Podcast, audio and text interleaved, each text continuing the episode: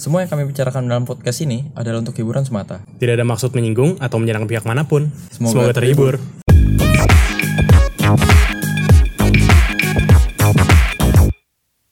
What's up? Kembali lagi bersama kita di North and West Podcast bersama gue, Juan Sebastian. Gue Junik. Eh, dan gue Kevin. Nah, kita kedatangan tamu nih, namanya Kevin. Kevin Huang lah ya, kita manggilnya ya. Kevin ini teman kuliah kita dulu. Nah, kita nih mau ngomongin apa nih? Kita kayak hari ini mau ngomongin tentang masalah orang tua bukan sih? Oke. Apa nih? Gimana nih? Orang tua apa nih? Orang tua yang di botol atau orang tua yang di rumah nih? Ya orang tua yang di botol gue udah lama gak ketemu sih. Perlu banget tuh. Terakhir sih, terakhir sih ada yang sampai berdoa sih, Tuhan, aku mau berhenti minum, tapi tahun depannya ketemu lagi sama WC. Aduh. Oke, jadi mau ngomongin apa nih? Parents gitu ya, Vin berarti ya? Ya. Kayaknya mungkin ngomongin tentang itu. Gue berapa belakang ini sih mulai mikir sih. Semenjak kayak selesai kuliah. Terus kayak mulailah, mulai ke pembicaraan ekspektasi orang tua gitu loh. Kayak dia ngomongin tentang kerjaan. Atau enggak dia ngomongin eh, kapan nikah. Tapi Orang tua lu ditanya kapan nikah, Vin? Enggak sih, bokap gue sih gak terlalu sih, tapi kayak nyokap gue kayak ngomongnya udah mulai ngarah-ngarah ke sana gitu loh. Dan gue kayak, shit. Nyokap lu ngebet gendong cucu atau gimana? gue rasa mungkin kayak, lebih tepatnya karena gue gak pernah ngomongin tentang masalah gue, masalah gue pacaran kali. Mungkin kayak, kayak dia kayak ngingetin, lu jangan lupa ya. Tapi orang tua lu ngizinin lu pacaran kok? Justru itu lucu ya. Pas gue sekolah tuh kayak nyokap gue selalu ngomong, jangan pacaran dulu, nunggu ntar aja ya. Terus kira kayak begitu begitu udah mendekati masa masa-masa gue selesai mau lulus tuh kayak eh, mulai ngobrolnya mulai ngarah ke situ sih. Which is kayak gue kayak, aduh, kenapa masih ngomongin tentang ini sih? Iya, tapi kalau jujur-jujuran ya sebenarnya kenapa kita pusing ya? Gue yakin sih karena ya kita sebenarnya nggak mau jadi beban orang tua lah ya sebenarnya. Hmm. Gila siapa yang mau. Gak enak banget, men. Malu sama tetangga, malu sama saudara, malu sama temen. Kadang-kadang gue mikir gitu loh kayak em, orang tuh ngeset ek- ekspektasi yang kayak, kayak lu mesti punya rumah, mesti punya mobil, gitu gitulah. Terus kayak mesti nikah buat gitu kan, buat sukses. Tapi kayak setelah gue mikir-mikir tuh hal-hal yang itu tuh belum tentu bikin kita bahagia juga gitu. Karena definisi Hmm. bagi gue sendiri sih definisi sukses itu ya lu mesti bahagia juga gitu. Hmm. Dan kadang-kadang punya hal-hal itu ya gak nentu lah lu bakal bahagia. Tapi gini nih, Vin. Emang nggak tentu lu bakal bahagia apa enggak. Tapi kan yang tadi lu bilang kan punya rumah atau punya apa, kerja. Kalau lu nggak ada itu semua, lu nggak hidup, men. maksud gue kerja udah pasti lah. Maksudnya udah udah pasti lah. Tapi kayak yang kayak salah satu contohnya kayak kemarin eh, gue nyokap gue sama nyokap gue tuh ngobrolin tentang masalah mobil. Kayak nyokap gue tuh ngepost banget buat gue punya mobil apalagi di saat gue baru baru baru mulai kerja gini. Dan kan gue jelasin ke mereka gitu loh kayak eh masalahnya di Jakarta tuh punya mobil tuh nggak nggak begitu enak karena di mana-mana macet. Terus eh, belum lagi kayak gue baru mulai kerja ya gue males gitu loh ngurusinnya lu mesti mesti bawa ke bengkel tiap bulan, belum lagi ngisi bensin gini-gini segala macam dan menurut gue kayak eh either gue pindah ke tempat ngekos di dekat tempat kerja gue atau gue pakai Gojek gitu buat ke kantor gue. Tapi kayak nyokap gue ngomong, janganlah lu pakai mobil aja. Kalau nggak pakai mobil tuh kayak nggak dihargain. Gue bilang, apa hubungannya ya? Gua- Itu tuh sempet kayak kayak ya kayak berdebat lah biasa namanya orang tua dan anak gitu. Gue sempet gak ngerti sih kenapa kayak nyokap gue benar-benar maksa banget buat gue ada mobil di saat gue baru-baru kerja. Sampai akhirnya kayak teman gue dicerita gitu loh. Dia bilang kayak gue pernah di Surabaya. Which is emak gue- ini orang eh, dari Surabaya. Dan waktu temen gue cerita tuh kayak orang Surabaya tuh benar-benar ekspektasinya kayak misalnya kayak punya semua orang tuh mesti punya mobil lah atau mesti ini gitu. Dan gue kayak abis dicerit, di ngobrol sama dia kayak oh gue ngerti kenapa jadi nyokap gue ada ekspektasi tersendiri gitu. Hmm. Lu pernah denger ini gak sih istilah Asian parents? Soalnya dari kayak cerita lu tadi tuh gambaran yang langsung di otak gue tuh langsung kayak anjir nih Asian parents banget nih gitu. Kayak strict Yeah. expectations gitu-gitu kayak anjir this is this is Asian parents banget nih gitu. Dibilang Asian parent iya, tapi kayak mungkin Asian Parent 2.0 kali ya. Asian Parent yang udah berevolusi dikit dari kakek nenek Iya. dari kakek nenek kita gitu. Gak terlalu kolot lah ya gitu. Gak terlalu kolot. Boleh nggak didefinisiin dulu Asian parent tuh sebenarnya apa sih? Mungkin biar lebih kita jelas nih kita ngomonginnya nih. Hmm. Kalau gue sih menurut gue sih Asian Parent tuh lebih kayak mereka punya ekspektasi tersendiri apa yang kayak gambaran mereka eh, apalagi buat anak ya kayak gambaran mereka menurut mereka sukses itu seperti apa dan mereka berusaha nerapin itu ke anaknya mereka. Meskipun kayak ada beberapa Asian parent yang kayak gue eh, mereka maksa buat anaknya mesti ngi- mesti ngikutin ekspektasi mereka ada beberapa yang kayak ya udahlah gitu.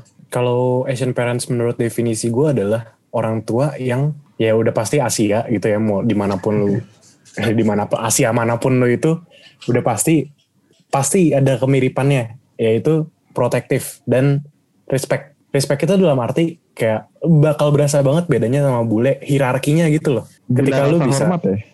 bukan bukan gila rasa hormat sih lebih tepatnya lu menghormati orang tua lu gitu loh sedangkan kalau budaya barat kan mereka lebih eh, Seperti Kayak- teman lah ya, seperti sahabat. iya lah. bisa bisa maksudnya Asian parents iya lu bisa jadi temenan juga tapi ya mereka juga orang tua lu gitu loh kalau lu ngomong balik paling kepala lu ditampol pakai sendal gitu Ya logikanya gini gak sih? itu bukan dari pengalaman ya Mungkin kayak gini kali ya logika paling gampangnya kali ya. Lu kalau curhat soal lu curhat lah soal apa pun gitu ke orang tua lu pasti rata-rata Asian parent bakal nyalahin lu balik gitu sih kalau gua rasa ya. oh ya Tapi Hmm. eh, kalau mungkin kalau di menurut luar gue sana di luar sana mungkin lebih kayak dicari jalan keluar gitu daripada disalahin sih.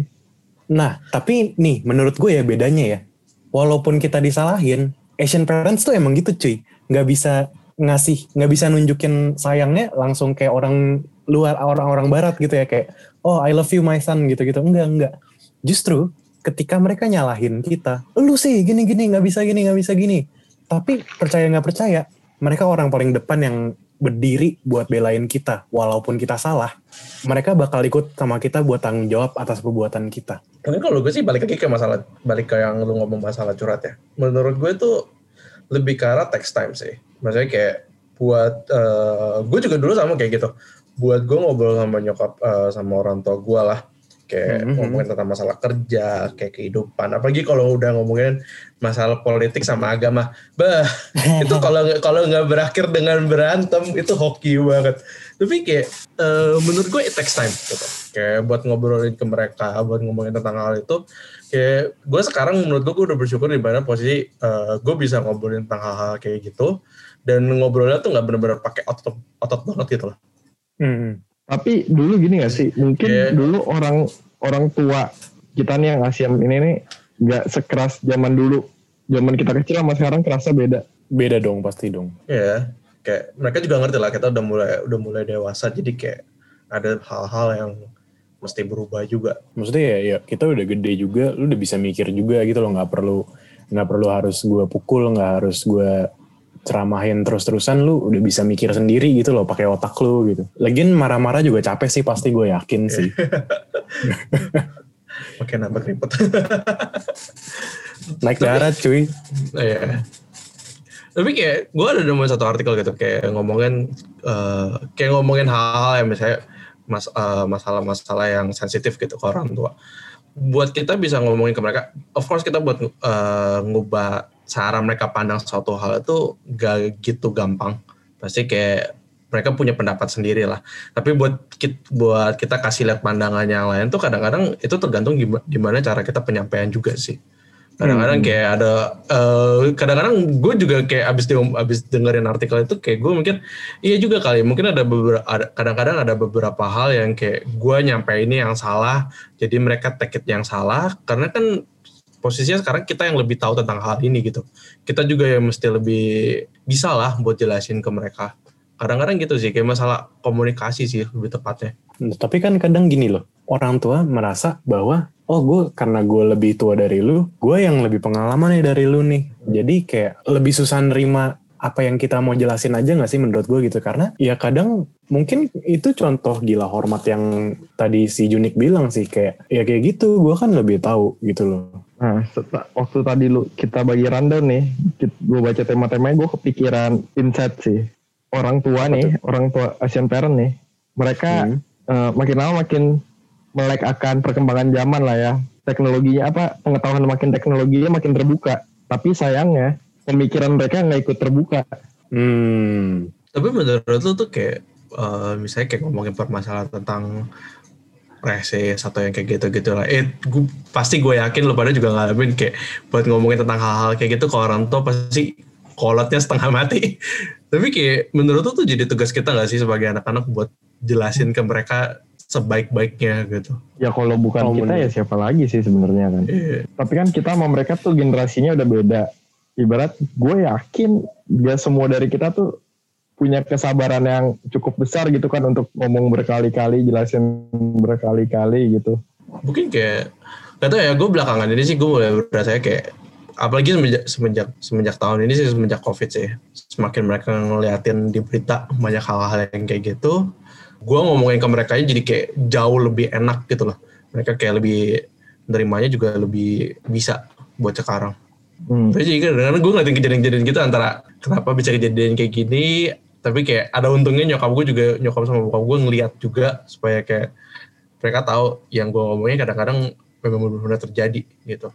Nah tadi kan kita udah dengerin nih ya experience kita menghadapi Asian parents nih gitu. Kalian setuju gak sih kalau misalkan salah satu traits atau ciri khas dari Asian parents itu adalah mereka strict. Iya, iya banget. Tapi Ya setuju banget sih gue. nah tapi gue mau nanya nih, menurut kalian bener gak sih strict parenting equals to success? Kalau gue ya, gimana ya? Menurut gue street parenting itu tetap perlu karena kayak dari umur tertentu ya, kayak misalnya kayak dari dari lu kecil, pokoknya dari lu lahir sampai kira-kira sampai SD sampai SMP lah. Menurut gue itu perlu buat nanemin kayak beberapa beberapa nilai-nilai kehidupan gitu loh. Kayak contohnya hormat sama orang tua. Gue rasa itu kita dapat karena karena orang tua kita nge, nge-force insting itu ke kita gitu. Kayak Nge-force gimana hal- tuh caranya tuh?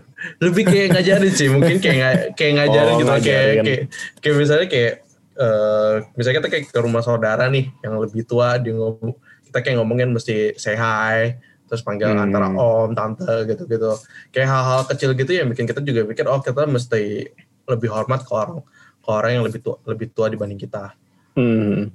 Tapi menurut gue kalau misalnya udah lewat dari dari kayak misalnya dari masa udah masuk masa SMA lah istilahnya. Udah masuk masa SMA kuliah terus lu masih di disiplin banget menurut gue itu bakal jadi bakal jadi masalah sih kalau kayak gitu. Hmm.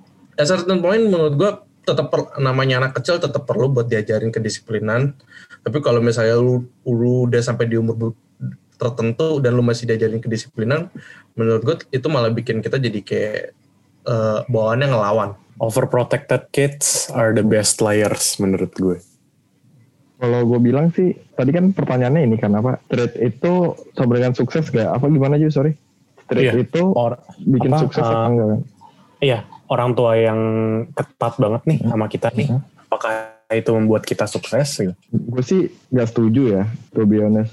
Karena emang dengan lu ketat banget gitu, udah pasti jaminan lu sukses 100% gitu kan. Bukan berarti orang tua yang gak straight gak bisa bikin anak sukses kan gitu kan.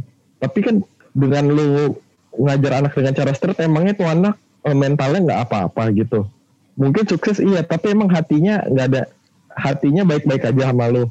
menurut kalau kalau menurut gue sih ya itu tergantung tergantung dari mana streetnya sampai kayak gimana ya maksudnya Hmm. kalau misalnya kayak lu dalam streetnya tuh kayak hal salah lu bakal diponat memang ini salah dan lu dikasih tahu gitu menurut gue itu oke tapi kalau streetnya borderline kayak emaknya bosen terus tiba-tiba ngeplak aja anaknya gara-gara dia bosen itu menurut gue bukan street sih itu abusing sih jadinya sih kadang-kadang gila. Iya kadang-kadang kadang-kadang eh, kayak apalagi kalau di berita ya kadang-kadang ada yang ngomong kayak eh, Asian parenting eh, strictnya Asian parenting itu sama borderline abusing tuh hampir sama gitu loh. Padahal benar-benar bisa dilihat jelas gitu. Kayaknya ka- kalau misalnya kayak cuman hal hal masalah kecil lah kayak misalnya lu eh, makanan tumpah namanya anak lim- eh, anak kecil makanan tumpah ya wajar gitu. Terus emaknya ngasih tahu. Tapi kalau emaknya sampai mukul ya itu baru namanya abusing gitu. Tapi kalau sekedar emaknya ngasih tahu ngajarin itu ya namanya ya itu straight tapi dia nggak tahu buat ngajarin gitu. Well, at some points menurut gue, lu mukul anak sih ada ada saat-saat tertentu di mana emang sebenarnya kayaknya perlu gitu loh mukulnya anak gitu loh. Kalau kesalahannya udah kayak parah banget gitu loh. Contohnya misalkan mungkin mencuri atau apa gitu. But ya kayak yang lu bilang sih Vin, kalau misalnya kesalahan-kesalahan kecil yang Ya lu bisa eh, ngomelin aja ya nggak usah lah gitu, nggak usah sampai lu main tangan sih. Ya kalau yang kayak bertindak ceroboh kesalahan nggak disengaja kan ya namanya juga namanya juga anak-anak kan ya logikanya. Lu nggak mungkin lu ngelahirin anak tiba-tiba anak lu sempurna udah jadi kayak nabi kan, nggak pernah berbuat salah. Jangan anak lu jadiin pelampiasan aja sih gitu kan. Iya. tapi kayak kadang-kadang eh, dan kan kadang-kadang kita kayak sebagai anak kadang-kadang kita lupa orang tua kita tuh juga cuman manusia yang kadang-kadang ada di mana masa, mereka memang lagi masa buruk-buruknya. Terus memang pas-pasan kitanya juga lagi teng lagi bandel-bandelnya dan lagi isengnya. Itu kayak kalau dipukul ya jackpot lah namanya gitu. Itu namanya memang lagi Iya, iya. itu juga gitu. Dan kayak namanya orang orang tua juga manusia punya ada ada saatnya mereka di atas ada saatnya mereka di bawah. Kalau misalnya mereka kayak mukul setiap waktu ya itu baru dipertanyakan sih menurut gue Ya, kayak kayak kata-kata lu lah orang tua juga manusia gitu maksudnya ya gue yakin sebenarnya dibilang siap nggak siap mereka juga pasti sebenarnya ya nggak terlalu siap lah jadi orang tua ya siapa sih yang siap jadi orang tua gitu loh tapi ya at least harus tahu sih maksudnya orang tua kita juga manusia gitu loh bisa salah bisa bisa berdosa juga gitu loh Mungkin gini Jo, sorry Orang. sorry. Kan lu bilang Hah? siapa sih yang siap jadi orang tua? Semua orang mau jadi orang tua siap gak siap? Yang siap pun pasti mempersiapkan diri kan. Iya Tapi sesiap-siapnya diri lu sampai se- seyakin-yakinnya diri lu begitu anak lu lahir juga gua rasa masih ada eh, kesalahan-kesalahan juga pasti kan. iya itu dia Hal-hal tidak diduga. Sesiap-siapnya orang tua juga pasti kan ada hal-hal diduga yang nggak bisa mereka expect gitu kan. Nggak akan pernah 100% siap gitu loh maksudnya Hmm. even udah udah plan out sebagus apa pun pasti ada yang nggak terduga gitu loh siapa, siapa yang duga gue ini 10 bulan gitu di dalam rahim nggak ada yang tahu bokap nyokap gue juga nggak tahu. Mereka panik Lu ya 10 bulan, panik gitu iya nyata Betah banget anjing. iya anjir. Keluar keluar udah ini. Eh, iya Baru tau. kayak, ini kapan keluar? Iya tau. Gue gue gue gue udah hampir mati tau pas ini. Pas pas pas gue dilahirin tuh gue hampir mati gara-gara ketubannya kan pecah kan. Terus ya ya udah kalau misalkan lebih lama dari itu sedikit lagi tuh gue gue udah meninggal gitu. Tapi ya ya itu balik lagi lu udah plan out gitu oh gue akan ngelahirin anak gue gini gini. Lu gak bakal ada yang tahu gitu loh gak bakal ada yang siap. Jadi ya menurut gue orang tua harus ngertiin kita kita anak gitu loh bukan bukan pelampiasan bukan apa kita manusia juga gitu. Dan anak juga mesti paham orang tua ya bukan dewa orang tua bisa salah orang tua juga orang tua juga manusia gitu loh. Like, like you guys said orang tua ya manusia anak juga manusia gitu harus komunikasi yang bagus gitu anjir jadi tiba-tiba bijak gitu ya anjir Gila. soalnya nyokap gue dengerin kayaknya nih Berarti dari kecil emang udah doyan, doyan minum-minum ya Ju? iya air ketuban aja gue minum bahaya bahaya Sebenernya gue ada cerita sih. Jadi Mhm. waktu zaman gue SMA nih ada satu anak cewek lumayan pinter lah. Dulu tuh gue juga nggak bego-bego banget sebenarnya. Cuman gue dari SMP gue tuh emang mau masuk di kafe atau sastra sejarah. Jadi persetan lo dengan matematika kan. Gue bilang bodoh amat orang gue juga nggak akan kepake gue yakin. Gue bodoh banget dah. Gue suka nanya-nanya sama dia minta ajarin. Dia tuh sombong banget tuh, tuh cewek satu ngata-ngatain gue mulu. One day dia pulang sekolah tiba-tiba maknya udah di rumah udah daftarin dia kuliah. Dia nggak tahu kuliahnya apa tiba-tiba udah dibeliin buku nih. Apa mama udah daftarin lu kuliah di kampus di daerah Jakarta Utara jurusannya akuntansi udah dibeliin-beliin buku. Wah. Terus anak itu terakhir ketemu sama gue IP jeblok cuy jauh di bawah gue Anjir. Tapi sedih sih kalau kayak gitu sih ceritanya sih. Eh, buat kita nih kita bertiga kan eh, anak anak desain ya anak DKV nih. Kalau kalau lu berdua yakinin ke orang tua lu buat bisa dikasih izin masuk ke DKV kayak gimana? Karena gue yakin gak semua orang tua pasti kayak langsung iya gitu loh dengerin namanya masuk ke fakultas kesenian. kalau gue dulu nggak perlu diyakinin sih cuma ditanya lu mau kuliah apa gue awalnya masih rada males-males kuliah kan mau coba langsung kerja aja Eh, nyokap gue nanya daripada lu nggak lu mending kuliah aja ambil hukum aja sono. Saudara lu aja bisa masa lu enggak gitu gitu ya. Kalau bokap gue bokap bokap gue lebih serem. Udah lu sekolah pendeta aja gue ramain gue semenjak bokap gue ngomong itu gue langsung buru-buru ambil formulir di DKV bentar. Sesat anjir, sesat. Ya, mereka gak ngehalangin gue juga di kafe sih cuman mereka ngomongin doang itu anak lu gambar aja nggak bisa nggak ada jiwa-jiwa seni ngambil desain nggak salah tuh itu kayak dua hal tuh gak sih? Kayak mbak lu kayak kayak ngomongin sepupu lu tuh sepupu lu geblek. Jadi biasanya lu gak segeblek-geblek kayak dia lu pasti bisa lah. Terus bokap lu kayak ngomongin lu kayaknya udah mulai agak hancur sih. Mendingan lu masuk ke sekolah gereja biar bener. Ya, sepupu gue gak geblek. Cuman maksudnya sepupu gue tuh orangnya cuek gitu kan. Maksudnya yang cuek aja bisa mungkin ya. Masa gue enggak gitu? Tapi begitu bokap gue mau nawarin gue asrama pendeta gue langsung besoknya gue langsung ke DKP Untar aduh aduh Kalau gue, orang tua gue malah dukung gitu. Malah malah mereka malah. Jadi dulu tuh gue SMA tuh gue ambil IPA kan karena dulu gue mau masuk kedokteran karena keluarga gue tuh eh, dok apa kebanyakan ambil udah set out their path to be doctors gitu loh. Gue satu-satunya yang nyasar ke jurusan seni gitu. Dan itu jujur pressure banget buat gue gitu loh. Karena gue maksa banget IPA gitu. Gue gak suka eksakta. Gue gak suka matematika, fisika, kimia. But gue paksain gitu. Biar orang tua gue gak malu. Wah anjir nih anak gak jadi dokter nih gitu. But then suatu saat gue gue nggak tahan gitu. Gue bilang gue gua nggak bisa kayaknya kedokteran gitu. Terus bokap gue ngomong, ngomong kayak dari dulu siapa juga yang maksa lu jadi dokter gitu. Terserah lu masuk mana yang penting mah kita mah dukung-dukung aja yang penting lu serius. Udah, akhirnya gue masuk DKV. Terus apa kepala sekolah gue kan nilai gue jeblok kan gara-gara ini kan gara-gara gue udah tau gue mau masuk DKV kan gue dipanggil sama nyokap gue ibu anaknya nilainya kok makin turun ya terus gue bilang iya nggak bakal kepake bukan saya mau masuk DKV terus dia diem doang anjir Iya, mbak gue ngoceh-ngoceh tau kalau ngomong kalau misalnya kayak gitu. kalau gue agak beda ya, karena karena kalau dari dulu tuh eh, nyokap gue tuh gak gitu suka ngeliatin gue gambar. Eh, karena kalau gue udah gambar, biasanya tuh kurang konsen gitu loh sama sama tugas eh, sama tugas-tugas sekolah gue. Apa gitu kalau misalnya kayak eh, pertemuan orang eh, guru sama orang tua ya, yang kayak penerimaan rapot gitu. Gue biasa nggak nongol karena guru gue tuh sering kayak ngomong gini anak ibu jago ya gambarnya mendingan masuk ke sekolah gambar aja. Terus kayak nyokap gue kayak ngomong ngapain saya bayar mahal buat masukin anak saya ke sekolah gambar? Makanya kayak tiap kali gue buat eh, ikut penerimaan apa tuh kayak gue malas ogah banget takut takut kena ngoceh gitu. Emang kalau gue buat gue bisa masuk DKV tuh lumayan agak perang.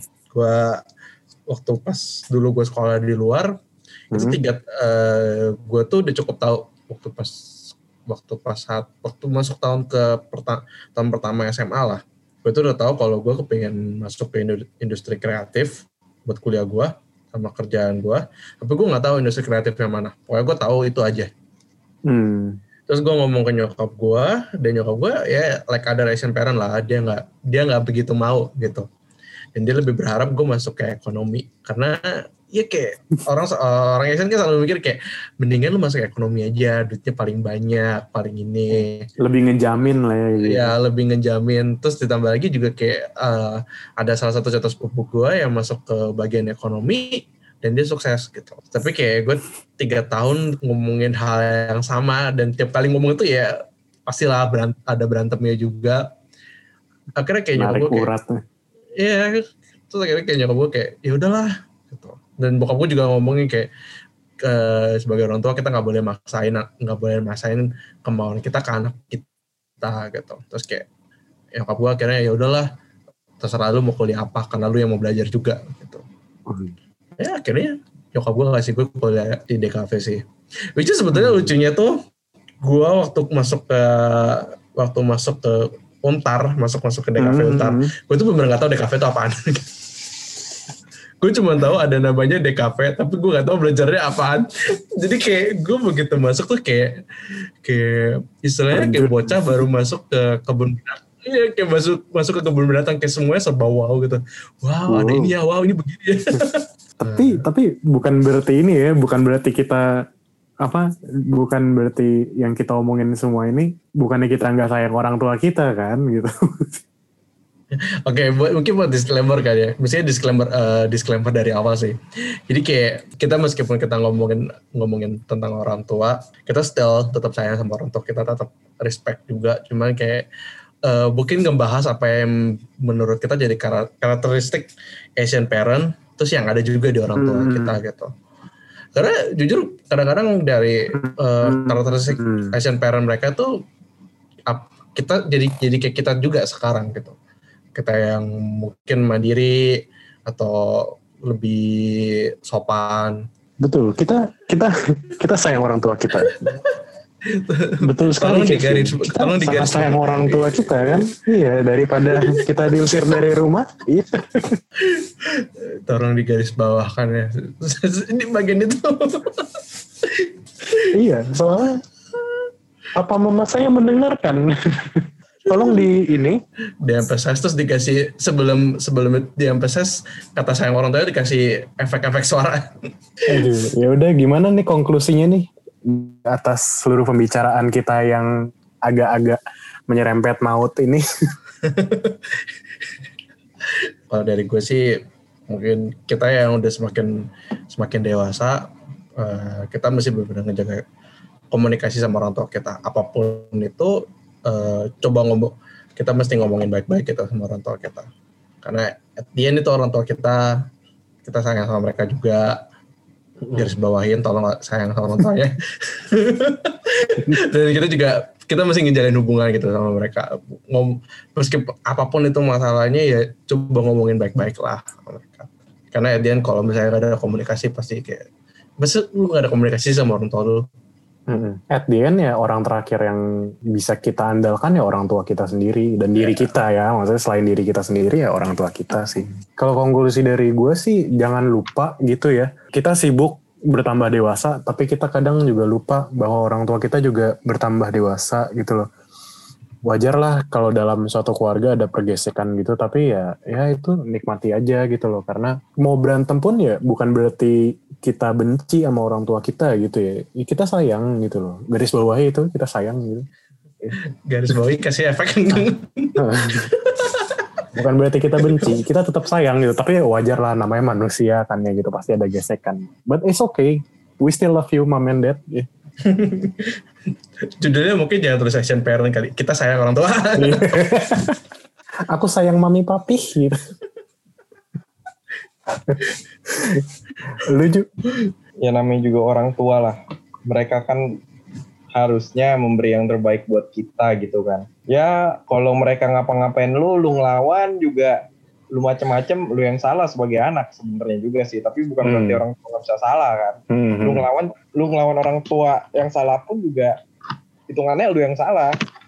Lu kuat gak kuat ya dikuatin, kalau nggak kuat ya 319 015 56. Silakan Apa tuh? ditelepon. Komisi Perlindungan Anak Indonesia biar ada kerjaan biar ngurusin kata anjay.